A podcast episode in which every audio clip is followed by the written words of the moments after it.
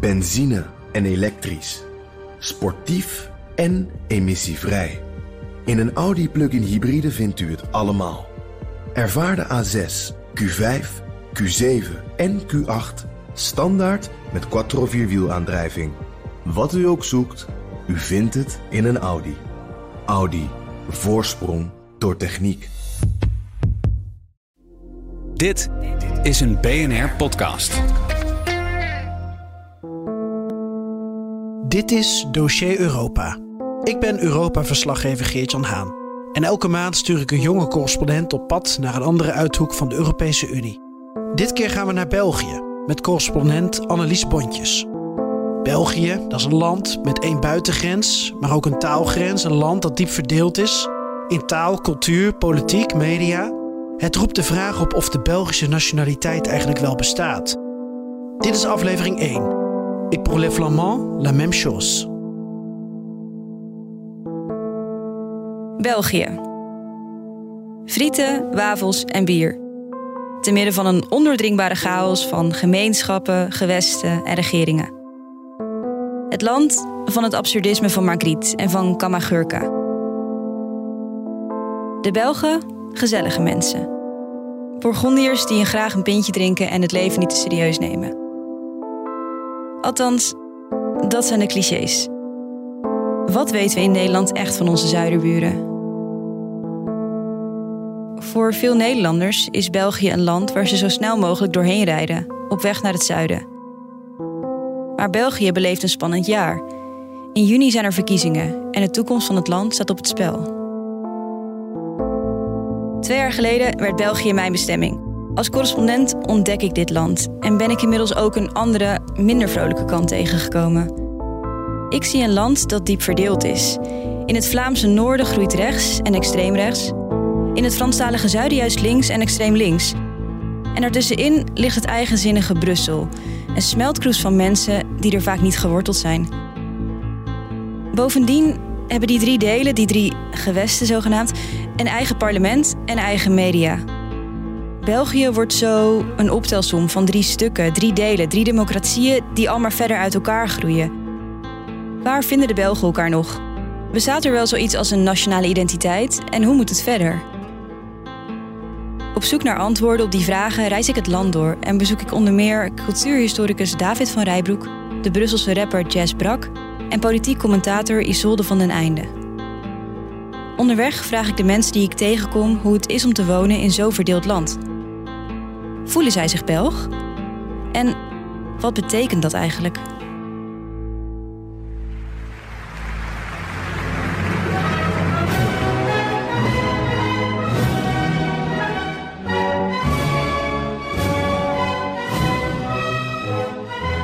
Bloei, o land, in eendracht niet te breken. Wees immer uzelf en ongeknecht. Het woord getrouw dat ge onbevreesd mocht spreken, voor vorst, voor vrijheid en voor recht. België bestaat pas 200 jaar, maar is in die periode steeds verder verdeeld geraakt. Oké, hou je vast. Drie gewesten, drie taalgemeenschappen, zes parlementen en een taalgrens die dwars door het grondgebied loopt. In welk opzicht kun je dan nog spreken van eendracht? Voel ik mij een Belg? Oei, ehm, een beetje toch wel, ja. Ik voel me niet echt Belg. Oei. Nee, niet echt. Want ja, wat is dat ook, een Belg? Eh, ik me een Belg? Ja. Je trouve qu'on est un pays, euh, on est un pays uni et il faut continuer à l'être. Misschien is dan het ook zo onderdeel van u dan Belg voelen, dat je, dat je er niet echt iets mee hebt.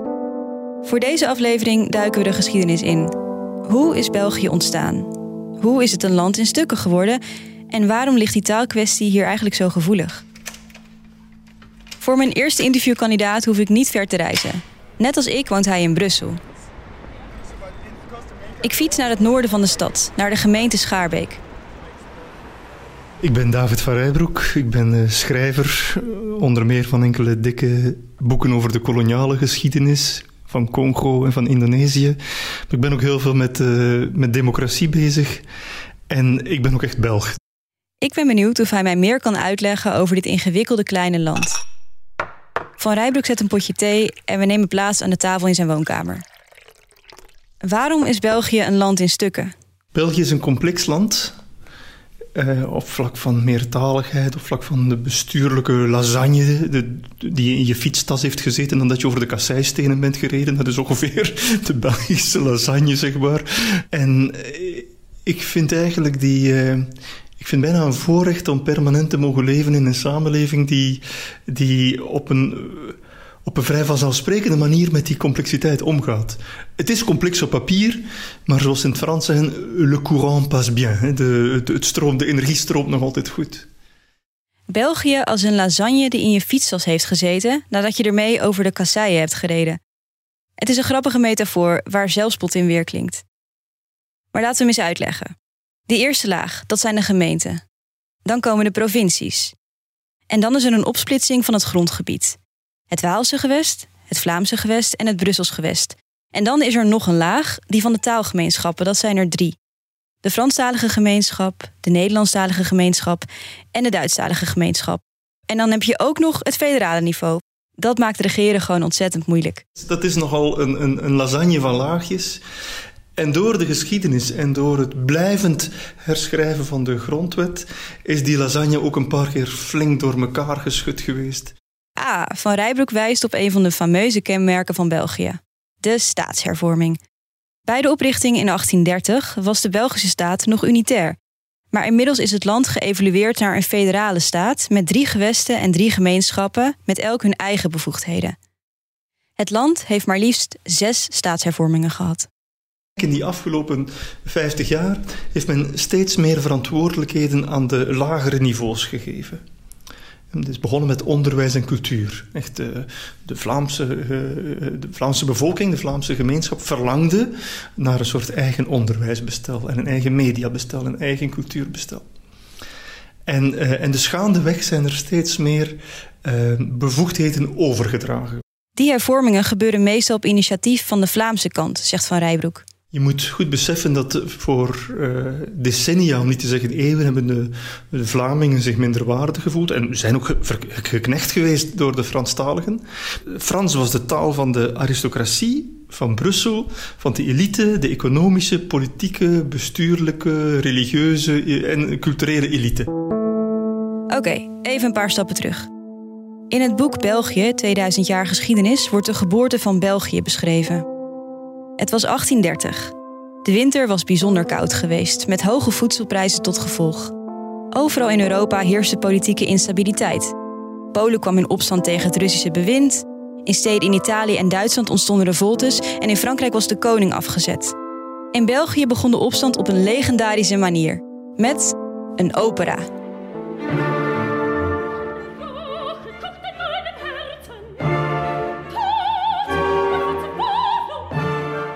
Op 25 augustus 1830 werd er in de Muntschouwburg in Brussel een opera opgevoerd. Het ging over een opstand. De menigte werd zo opgezweept dat ze woedend het theater verliet en overheidsgebouwen begon te vernielen. Koning Willem I reageerde te laat. Hij wilde eerst praten, maar daar was geen tijd meer voor. Het oproer sloeg om in een gewapende revolutiestrijd. En op 4 oktober 1830 werd de Belgische onafhankelijkheid uitgeroepen. Het Frans was een prestigetaal in Europa in de 19e eeuw, zo ook in het nieuw gestichte België. Frans werd gebruikt in de administratie, de politiek, het onderwijs, de wetenschap, de rechtspraak. En Vlaams werd een tweederangs taal. Het was niet verboden, maar er was duidelijk discriminatie. Je moest wel Frans leren om de berichten van overheidsdiensten te begrijpen, of om kans te maken op een goede baan of het beklimmen van de sociale ladder. Maar de Vlamingen lieten dat niet zomaar gebeuren. Als tegenreactie op die Franse dominantie ontstond tussen 1834 en 1840 de Vlaamse beweging. Aanhangers eisten het recht voor Vlamingen om hun eigen taal te gebruiken, en zo raakte België verwikkeld in een taalstrijd. Tijdens de Eerste Wereldoorlog liep het conflict tussen beide kanten hoog op. Belgische officieren gaven in het Frans bevelen, ook wanneer de soldaten de taal niet machtig waren. De officieren legden in het Frans uit wat er moest gebeuren en daarna kwam de zin Et pour les Flamands, la même chose. En voor Vlamingen hetzelfde. Geen uitleg in het Nederlands. Dat ene zinnetje zingt nog altijd rond in Vlaanderen om te verwijzen naar de Franstalige Belgen die weigeren Nederlands te spreken. Nu zie je op de kaart van België een golvende horizontale lijn lopen dwars door het land van west naar oost. Sinds de jaren 60 bakent de taalgrens twee taalgebieden af: het Nederlandse en het Franse. Een taalgrens, dat is een soort touwtje dat je spant. Van oké, van aan deze zijde gaan we Nederlands, gaan het in het Nederlands doen, aan de andere zijde gaat het in het Frans verder. Maar zo'n touwtje wordt na verloop van tijd een touw. En wordt vervolgens een prikkeldraadje en wordt vervolgens een, een laag muurtje. En, wordt, en je ziet hoe eigenlijk die taalgrens die is dikker en dikker en hoger en hoger geworden in de loop van de tijd.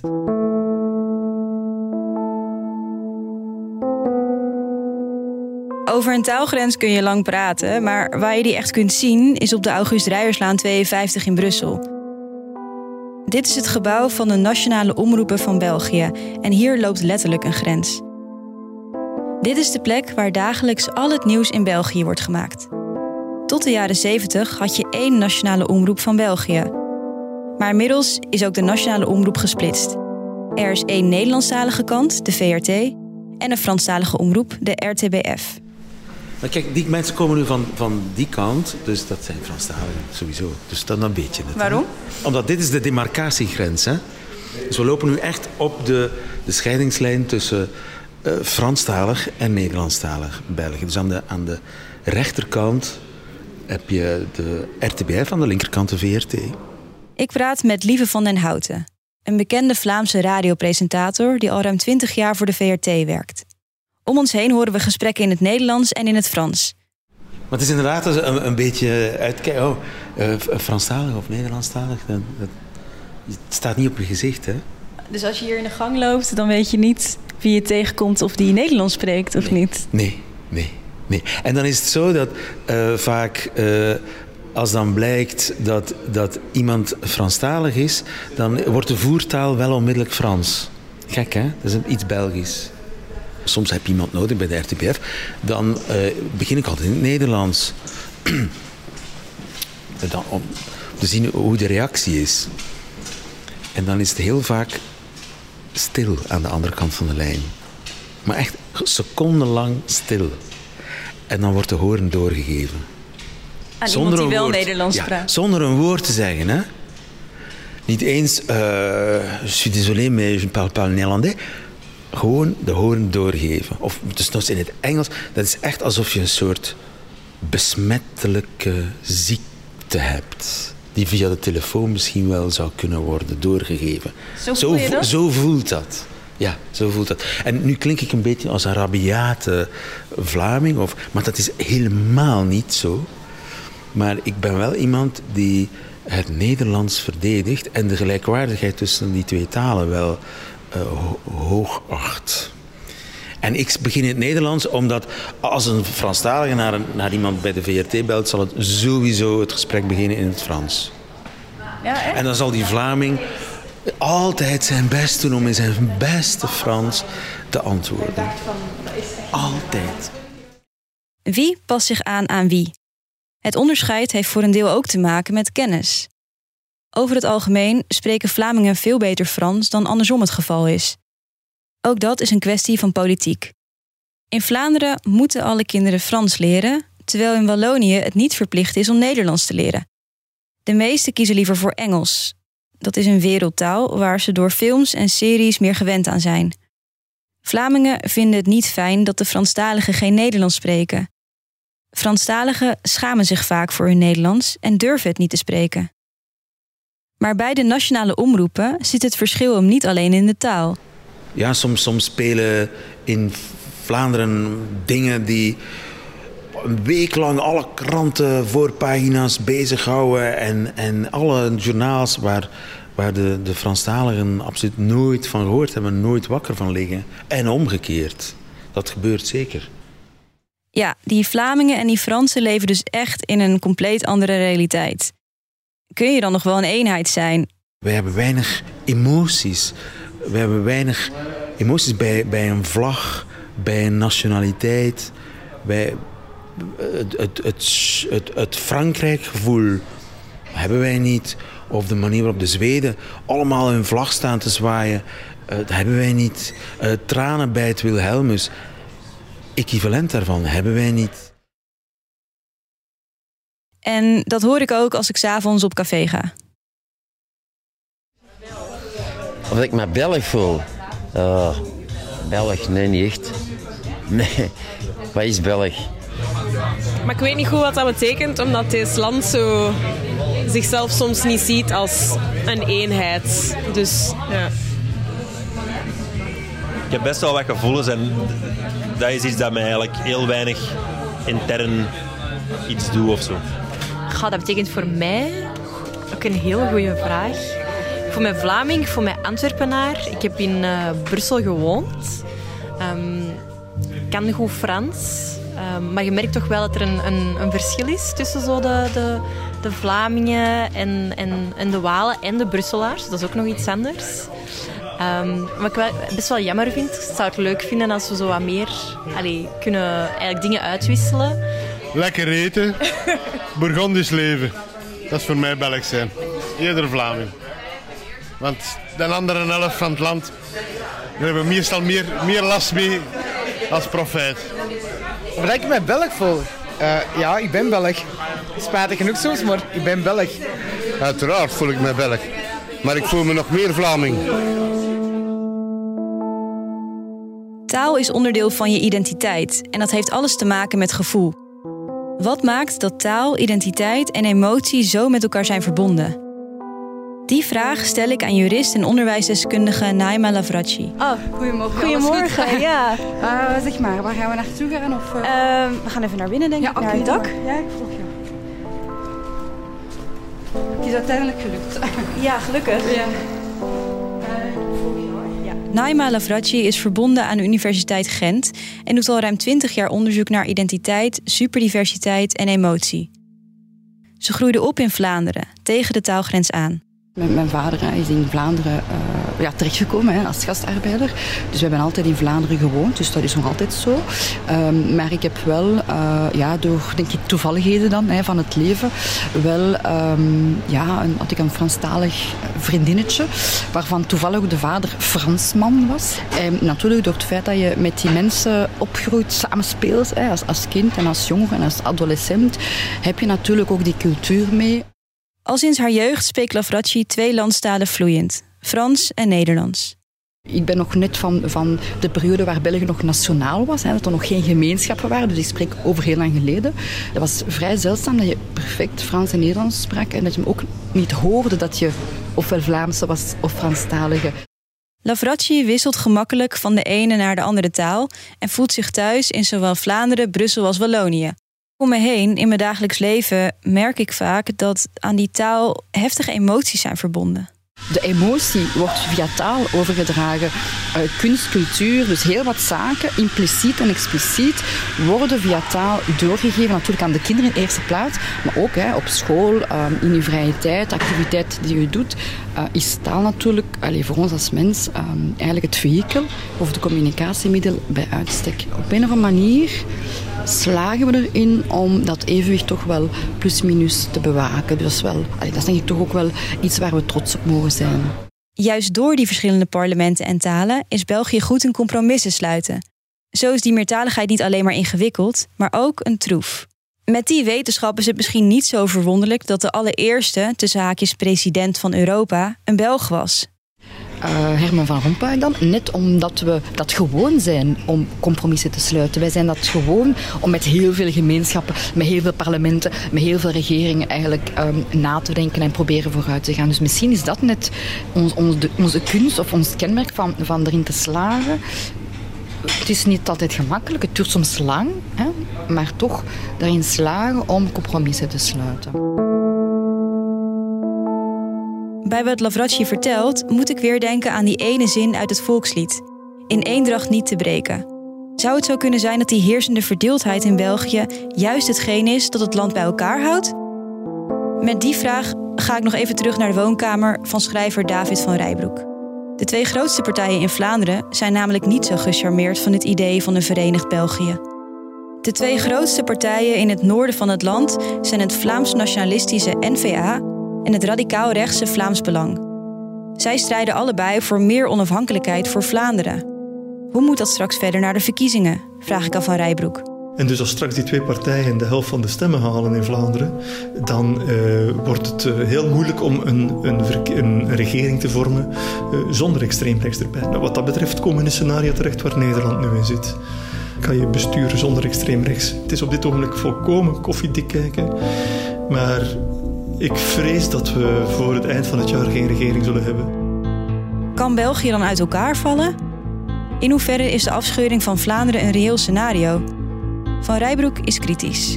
Als je heel veel tijd wil verliezen, als je heel veel geld wil verliezen, als je enorm veel politieke energie wil verliezen, scheur af.